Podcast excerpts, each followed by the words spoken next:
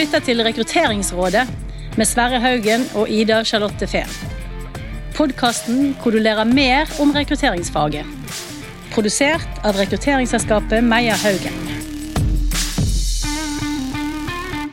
Endelig er vi tilbake her, Sverre, i Rekrutteringsrådet. Ja, og så, så hyggelig å, å faktisk spille inn fysisk i studio. Ja, jeg har gleda meg skikkelig til at du skulle sette deg på fly fra LA og over dammen for å komme hit til oss igjen. Ja, og nå har jeg flydd over. eh, moderat jetlagd, og, og gleder meg til den praten her, da. Ja, det er veldig bra. Og, og så er vi i hvert fall vi er godt skjenket med kaffe her. Og det er jo i hvert fall for meg en veldig god start på dagen. Og så er det jo mandag, da. Det er litt deilig. Det er deilig med mandag. Eh, og så er det sånn at eh, mens vi andre har trava litt rundt i Bogstadveien og, og rundt i Frognerparken i Sola i helgen, så har jo du vært på noe veldig kult i LA. Stemmer. Det var faktisk i Vegas, av alle Vegas. steder. Ja, og der skjer det jo veldig mye kult, sånn generelt sett. Eh, Men eh, jeg har da forrige uke så var jeg på det som heter Unleash-konferansen i Las Vegas. Og da var det teknisk sett Unleash America. Oi. For de som kanskje ikke er så godt kjent med den tekniske biten og innovasjonen rundt her, hva, hva er det for noe? Altså Unleash er en stor eh, HR-tech-konferanse som, som kjøres eh, egentlig flere steder i verden. Vi har, eller Jeg har tidligere vært med sammen med Petter så har vi vært med på Unleash før covid. For det stengte jo ned med covid, men da var vi på Unleash i Amsterdam, Unleash i Paris. Eh, og nå var, hadde jeg også anledning til å, å være så heldig at jeg kunne være med på Unleash America, som var da i eh, Las Vegas.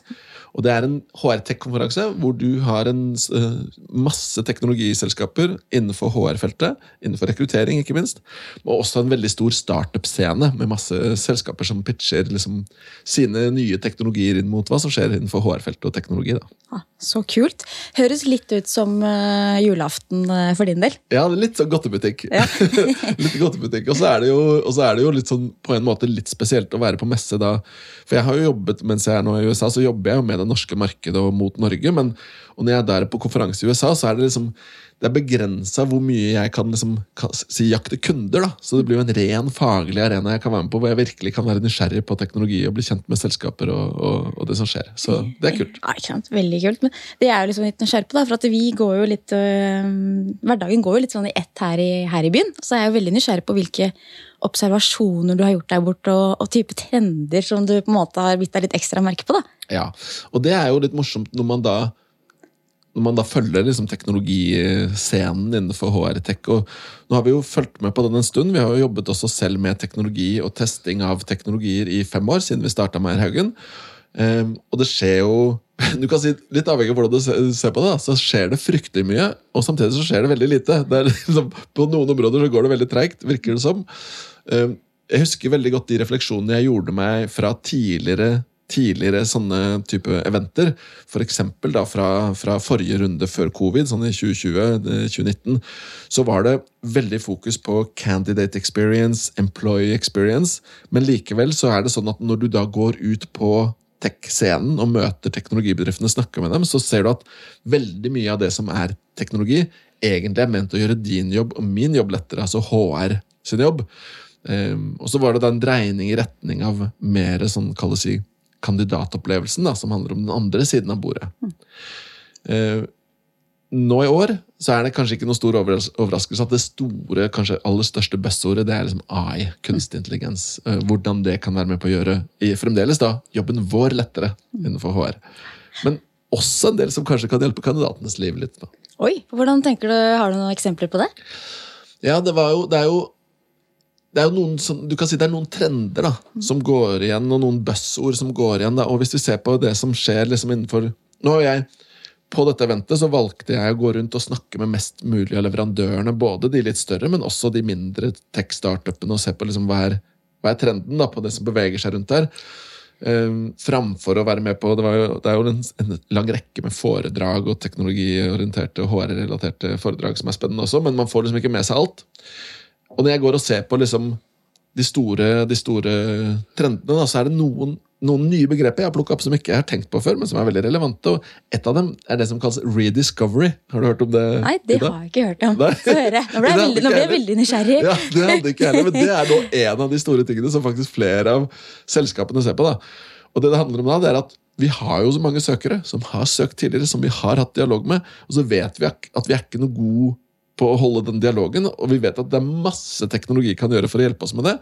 Så nå er det en av de tingene som jeg opplever at mange selskaper ser på, det er rediscovery av talent, som handler om å finne ut alle disse sovende talentene du har i talentpoolen din. Hvordan kan du liksom finne ut hvilke av de matcher med de jobbene du har i dag, og hvem kan du dra inn i prosess, og få kjappere, bedre prosesser å rekruttere via, via rediscovery. Ja, Det er jo veldig spennende. Og det er jo ja, både liksom, det blir liksom vinn-vinn da, i forhold til kandidater som ligger der og, og vaker litt. Og i forhold til jobben vi kan gjøre for kundene våre også. Ja, ja, og dette er jo knyttet til hvis du ser på de store trendene innenfor digitalisering, IT i det hele tatt. Hvis du ser på hvor viktig datadomenene har blitt da, de siste årene. Hvor utrolig mye data vi har, og hva slags data vi kan liksom dra nytte av. Hvordan kan vi få verdi ut av de dataene. og på den måten så kan du si at Veldig mange tror jeg kjenner seg igjen i at ja, men vi har jo masse kandidatdata liggende som ikke vi egentlig er gode nok på å bruke. og Sånn sett så er det egentlig da, det å dra nytte av data du allerede har. da, på et vis. Ja. Sette dataen i struktur, rett og slett. Det er en veldig sentral del av det. helt ja. klart. Ja. og det er vel litt sånn generelt over hele flata, ikke bare rekrutteringsverden, men uh, over hele linja. Det, det er det. det, er det. Og, så, og, så, er det en annen ting som, som uh, også har vært liksom, i, i kjømda ganske lenge, da, men som nå, som nå ser liksom, får enda mer fokus, og hvor, du, hvor jeg opplever at det er flere og flere som prøver å få grepet på det. Og det er jo det som handler om hvordan klarer vi å finne ut av hvilke kandidater som matcher til hvilke jobber? Mm. Det er ikke noe nytt. Det er liksom gammelt, men det som kalles liksom, matching-teknologi. Og Det er mange startuper som har jobba med det, og som prøver å knekke den koden og virkelig få det til. Men kanskje det som er forskjellen, eller én forskjell nå, det er at fra å være et lite tech-startup som, som, som, det finnes mange av, som prøver å finne en kul matching-modell, det har jo jeg jobbet med tidligere i mitt selskap jeg jobbet i før også, så er det nå i mye større grad at de store selskapene også kobler seg på, koblet på dette vi snakket om med Rediscovery, som handler om å prøve å forstå hvordan kan vi forstå dataene vi har, og hvordan kan vi forstå dataene i jobbene vi har lyst ut. Mm. Mange ulike selskaper som jobber med altså parsing av en stillingsannonse opp imot hvordan kobler det seg opp med de dataene du har liggende ut, og hvordan kan du da matche automatisert ved hjelp av AI, sier de. Eh, hvordan kan de matche liksom, riktige kandidater inn til disse ulike jobbene? Da, ja. da begynner jeg liksom å tenke litt, for nå kommer jo den chat-GPT-en. Den jo, kommer jo i full fart. Og da begynner man jo å få hjelp til CV-er og søknader og alt. Tror du at språket der blir mer generisk i forhold til å fange opp disse kandidatene, hvis man tenker systemer, da, at man lager en type standarder? At språket begynner å bli mer likt? Det er et veldig relevant og godt spørsmål. Om språket blir likt, det vet jeg ikke, men jeg vet at en av problemstillingene her da, som gjør at man ikke liksom har lykkes ordentlig 100% med det her, det handler jo om at uh, man har ikke noe standardisert måte å skrive en CV på. Man har ikke noe standardisert måte å skrive en stillingsannonse på. Så det betyr at for å forstå en stillingsannonse, om du, la oss si om du skal bygge en teknologi som skal scrape, da, eller skrape våre stillingsannonser, men også det som ligger på LinkedIn, også det som ligger andre steder, og egentlig finne ut av om din CV matcher med disse ulike jobbene rundt omkring i verden, så må du forstå hva er de ulike elementene, da? Og der er det et lite stykke igjen å gå. Det er det mange som prøver å liksom knekke opp. da. Men en av disse kule selskapene jeg så på, da, som sånn har en spennende og veldig liten ting, men det var sånn et plugin du kan legge på websiden, som jeg vurderer om vi skal kanskje teste ut hos oss. Oi. Hvor du legger inn et lite plugin, så du får en liten sånn segment på stillingsannonsen, hvor kandidater kan drag and droppe CV-en sin inn på den mappa, og så får de opp en prosentmatch. Hvor godt stemmer din CV med denne stillingen. Og det er jo litt spennende hvis det funker. ja, men jeg tenker jo for min del, da, hvis ja. jeg skulle søkt og kunne gjort det, og sjekket at du er en 85 eh, match, ja. f.eks., ja. så ville jeg jo anta at motivasjonen ville vært høyere også, for å ha lagt litt vekt på søknad og kanskje yes. frest opp CV-en litt uh, yes. og jeg også. Tenker, jeg tenker jo For vår del altså kunne vi testet dette egentlig på to ulike arenaer. Det ene er jo nettopp å gjøre det du sier nå, og si at ja, du kan jo nå som kandidat få lov til å sjekke hvor godt matcher CV-en din med denne stillingen, basert på stillingsannonsen. Det er jo en ting, Men det andre er jo å si at på karrieresiden vår så kan du ganske enkelt bare laste opp CV-en din der, og så kan du få fram de stillingene hvor du har den beste matchen. Sånn at den hjelper deg å finne potensielt matchende stillinger. da. Så det er masse potensielle anvendelsesområder, og hvis du får det her til å funke, da, men så ligger utfordringen sånn som jeg ser det, litt i det klassiske som ennå er egentlig sånn som jeg ser det, ubesvart innenfor matchingteknologi. Det er hvordan klarer vi å dra dette utover det faktuelle som handler om oppgaver, opp mot erfaring? Fordi Der er det lett, men det øyeblikket vi skal begynne å snakke om verdier, motivasjon, holdninger ikke sant? Da, Det er ting som vi ennå er litt sånn her ukartlagt territorium på. da. Ja, for det ser vi jo at uh, det er jo en viktig rolle i dag. Uh, kandidatene er jo veldig opptatt av det med miljøet og Veldig. kulturen. Hvordan type oppgave, Hva er de viktigste prosjektene, eller hvordan er det man samhandler i selskapet? Helt klart, og, og det, er, det er superviktig, og det vet alle som jobber med rekruttering, og det vet alle som har vært i en jobbsøkerprosess, hvor viktig det er. Uh, og Sånn sett så har vi langt igjen før vi er der. Men fremdeles bare det å kunne matche bedre på oppgaver og erfaring. Hvis vi får til noe som funker bedre der, så er det jo et, løft, et stort løft i riktig retning. i hvert fall. Ja, jeg kjenner jo at det klør litt i fingra. Det. Ja, det er veldig bra. Da er de på rett sted. Ja, men, men jeg tenker jo at det som er spennende med det at du har vært her også, Sverre, er jo at eh, For du nevnte jo hva dere hadde fokusert på på Unleash før korona. Og det er jo disse verdiene med hvordan man skal henvende seg til kandidater. Ja. Og der føler jeg at du og Petter har hatt veldig fokus. At det, det gjennomfører jo faktisk veldig bra i dag. Så det jeg er liksom litt nysgjerrig på, da er jo Nå nevnte du dette med plug-in, da. Men hva, er liksom, hva tenker du er de kuleste tingene, og, eh, eller det aller kuleste tingen som du kom over eh, på, tur, på turen? Ja, altså det er noen, jeg, jeg kan trekke fram noen andre, noen andre kall det si, områder som, som er spennende. Altså, det, når, jeg, når jeg går og snakker med disse ulike leverandørene, da, så jo så prøver jeg å få et bilde over hva er egentlig det overordna bildet her. da, ikke sant? Så vet vi hvordan dette er. Det å gå inn med én teknologileverandør og få til å bruke den teknologien de tilbyr på en bra måte, det, det kan fort være en stor investering. Um, og så og er det litt sånn, Desto mer du faktisk går inn for å lykkes med det, desto større er sjansen for å lykkes også. Så, så det jeg gjør, er å prøve å kartlegge. Og jeg har noen, noen type teknologier eller ting som jeg tenker er veldig, ligger veldig nærme for oss å teste, fordi det er litt tett på ting som vil være verdiøkende for oss, da, eh, generelt sett. Men, eh, men eh, en, en siste sånn, og nå mulig jeg snakker meg vekk fra spørsmålet ditt, Ida, da får du ta det om igjen etterpå, men du spurte hva var det kuleste, og jeg vil egentlig svare med noe, av det, noe annet som er egentlig var det mest skremmende. Ja, få høre. Ja, for sånn, sånn jeg svarer ikke på spørsmålet ditt i det hele tatt. Men, men det interessante er Vi nevnte jo det i stad, at det store buzzordet er AI. Ser du på messene, veggene, på standene Annenhver stand har et eller annet med AI og hvordan de skal gjøre revolusjonere verden på ditt og. Mange av disse selskapene har gjort det lenge. De har holdt på med det her i flere år. Vi i Meierhagen vi har jo testa diverse sånne AI-teknologi og chatbots og sånt noe i fem år. Ulike varianter. Og, og nesten alt vi har brukt og testa fram til nå, er for dårlig. Det er for dårlig, ikke sant?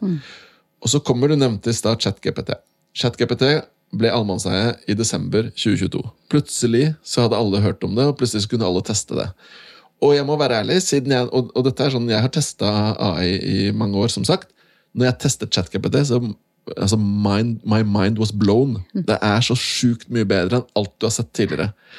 Når jeg går på en leash og snakker med AI-selskapene, som skal være the front end of HR Tech and Artificial Intelligence, så ser jeg egentlig at det har ikke skjedd noen ting der. Det er akkurat like dårlig. Når jeg snakker med disse møtebookingsrobotene eller evalueringsrobotene som skal hjelpe meg å finne stillinger, med en gang jeg prøver å teste og gå litt ut av skript, prøve å være litt sånn ikke hjelper roboten, da, så krasjer de. Så, så funker det dårlig, da. Da henger det ikke med. Nei. Og så snakker jeg med disse som jobber med det her, om, om ChatGPT, om de har testa det. Og mange av de som ikke har egentlig skjønt hvor bra det nye som kommer, er. da. Eh, Så jeg tror at for det første at det kommer til å være en rough awakening for mange av disse AI-selskapene som har jobbet med AI i mange år, når de ser hvor mye som har skjedd, og liksom når du kan koble det på andre typer teknologier. Eh, Og for det andre så tror jeg vi kommer til å se ekstremt mye mer og mye bedre teknologi innenfor AI de neste kommende to-tre åra. Det kommer til å skje kjempemye. Det er jo eh, utrolig gøy, og så er det jo kanskje litt spennende òg. Du snakka det om å tune over til det spennende. Når du ser disse veggene med AI og alt det fokuset rundt. eh, du, er, du er ikke bekymra for våre jobber, hvis du tenker frem i tiden? Eh, Jeg er ikke bekymra med det, fordi jeg ikke er bekymra som type. men men at, vi, at vi skal være bevisst på at hvordan våre jobber kan påvirkes, helt åpenbart. Hvis du ser på Meierhaugen, da, så har vi, et av de, vi er et av de få selskapene som har, som har eh, Eller det er ikke bare oss, men, men ganske få i forhold til behovet, som har liksom spesialisert oss inn på teknologirekruttering. teknologistillinger. De siste fem årene har det vært et skrikende underskudd på, på f.eks. utviklere. Kjempevanskelig å, re å rekruttere utviklere. Det vet jo du òg, Ja, Ida. helt, helt klart. AI-teknologien nå er jo der at den, den kan programmere for deg, den kan debugge for deg. Jeg tror, Hvis du ser litt lenger fram i krystallkula, så tror jeg at du kommer til å se det samme innenfor utvikling. Og da mener jeg som basic programmering. Så kommer du til å se det samme som du så innenfor type websideutvikling. Da jeg var IT-ingeniør en gang i tiden, jeg var jo ferdig i 2002 med en bachelor i programmering, da koda vi jo websider og programmerte HTML. Vi programmerte CSS-en, fikk websidene til å se ut som de skulle osv. I løpet siden da så har det jo kommet teknologiplattformer som gjør dette for deg. Som, som Webflow, sånn som Wordpress osv. Så, videre. så det er ingen som koder HTML lenger. Eller det er veldig få, da. Det vil være ganske liten grad. Sånn at der er på mange måter teknologiplattformene tatt over HTML-skriptinga for deg. da. Det kommer til å skje på utvikling også. Det betyr at hvilke type talent som, trenger, som vi kommer til bli, som kommer til å bli etterspurt, kommer til å endre seg. Eh, jeg tror du vil fremdeles ha masse behov for teknologiprofiler fremover, men, men hvilke typer teknologiprofiler kommer til å endre seg? Kanskje ikke i morgen, eller ikke i morgen, men kanskje om to, tre, fire år. Så det kommer til å påvirke våre jobber helt, helt klart. Både arbeidsform, men også hva slags type talenter som trengs. Da. Og det, det er jo veldig spennende. Det det. det. kjenner jeg på når man snakker liksom med de som er litt yngre. Og bare, ja, hva skal man studere, og hva kommer man til å velge? Så pleier jeg at det er ikke sikkert vi vet det. Nei, vi vet ikke det. At, uh, hva, hva skjer om ti år? Det, det tror jeg ikke vi vet. Nei. Og det er jo det er kanskje noe som er veldig spennende med den jobben her også. Det er det, og, og det er eh, Så, men ja, nei, det, er, ganske enkelt spennende generelt sett. Ja. Men det er nok mange som mange jobber, hvis du ser på Det er ganske mange jobber som jeg tror kommer til å falle bort mye fortere enn andre. da. Og som kan handle om tekstforfatting og, og om eh, oversettelse, f.eks. Mm. Som nå maskinene kan gjøre bedre og billigere enn mennesker. da. Veldig kult. Jeg kjenner, vi nærmer oss jo kanskje slutten etter hvert snart, eh, Sverre. Men tenker, hvis du tenker litt sånn fremover i tiden, da, nå har vi vært innom og drøftet det med AI og alt som skjer, men hva tror du blir det viktigste, bare sånn kort, eh, det viktigste å fokusere på for rekruttering HR neste årene? Det er et godt spørsmål. Eh, og jeg har diskutert det litt internt her også, dette med forskjellen på liksom, Eller hvordan kan man best Hvordan kan man best eh, Hvordan kan man best jobbe med å utvikle egen organisasjon teknologisk? da? Vi har jo drøftet ikke sant, skal vi utvikle noen tech selv, men, men vi har tatt et, den, i hvert fall der er vi nå, at vi tenker at det smarteste vi gjør, er å, å se hva fins, bruke det som er smart, og sånn sett finne liksom low hanging fruits som er med på å forbedre det vi gjør på den måten vi gjør det. da. Og, også for HR så tenker jeg, Vi har jo også gitt det rådet tidligere i andre arenaer, men det viktigste man gjør, er å tenke over hva slags type teknologi er det man skal implementere. Og så tenke helhetlig. Hvordan påvirker det kandidatenes opplevelse? Hvordan påvirker det lederne eller rekrutterende selskap sin opplevelse? Og ikke minst, hvordan påvirker det din og min jobb, altså rekruttererne sin opplevelse? For det er liksom mange parter da, i en rekrutteringsprosess. Så det handler jo litt om å sette på agendaen, rett og slett. Det gjør det. Ja. Men Sverre, siden, jeg har jo blitt, litt sånn inspirert av deg, da, siden du er, er sånn innovative sjelen i selskapet og virkelig brenner for det. Så jeg tenkte sånn Avrundsvis så fant jeg en liten sånn vers av et dikt. Som jeg Oi. tenkte at jeg skulle lese opp. Liksom. Nå tenkte jeg det overrasker deg litt. Ja, det, det, det har du allerede klart. Men jeg syns det liksom passa litt til deg. da, og Det er av Hans Olav Mørk. Ja. For det heter Våg å være. Ja. Og jeg tror det er det som har gjort litt at vi er her vi er i dag, og i Meierhaugen. For det, det første verset er da Våg å være ærlig. Våg å være fri. Våg å føle det du gjør, og si det du vil si. Kanskje de som holder munn, er reddere enn deg. Der hvor alt er godt i lås, må noen åpne vei. Ja, Det var veldig godt sagt. Og det jeg var passet så fint Jeg til fikk deg. nesten litt gåsehud. Men, men skal, kanskje vi er med tidens ende, da, Sverre? Vi er det, og så, og så, så, så skal vi holde det som hemmelig hvilke type teknologier vi skal teste selv. Men, men det kan vi ta etter opptak eh, i dag. Kan jeg fortelle, for Vi har noen konkrete teknologiplattformer som jeg har lyst til at vi skal teste også. Da, da gleder jeg meg til videre kaffekopp her. Ja. Ja.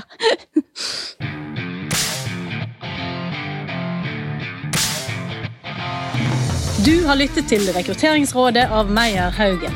Vi produserer også Topplederpodkasten og Stillingspodkaster. Har du forslag til gjester eller tema vi bør snakke om? Gå inn på vår Facebook-side Meyer Haugen.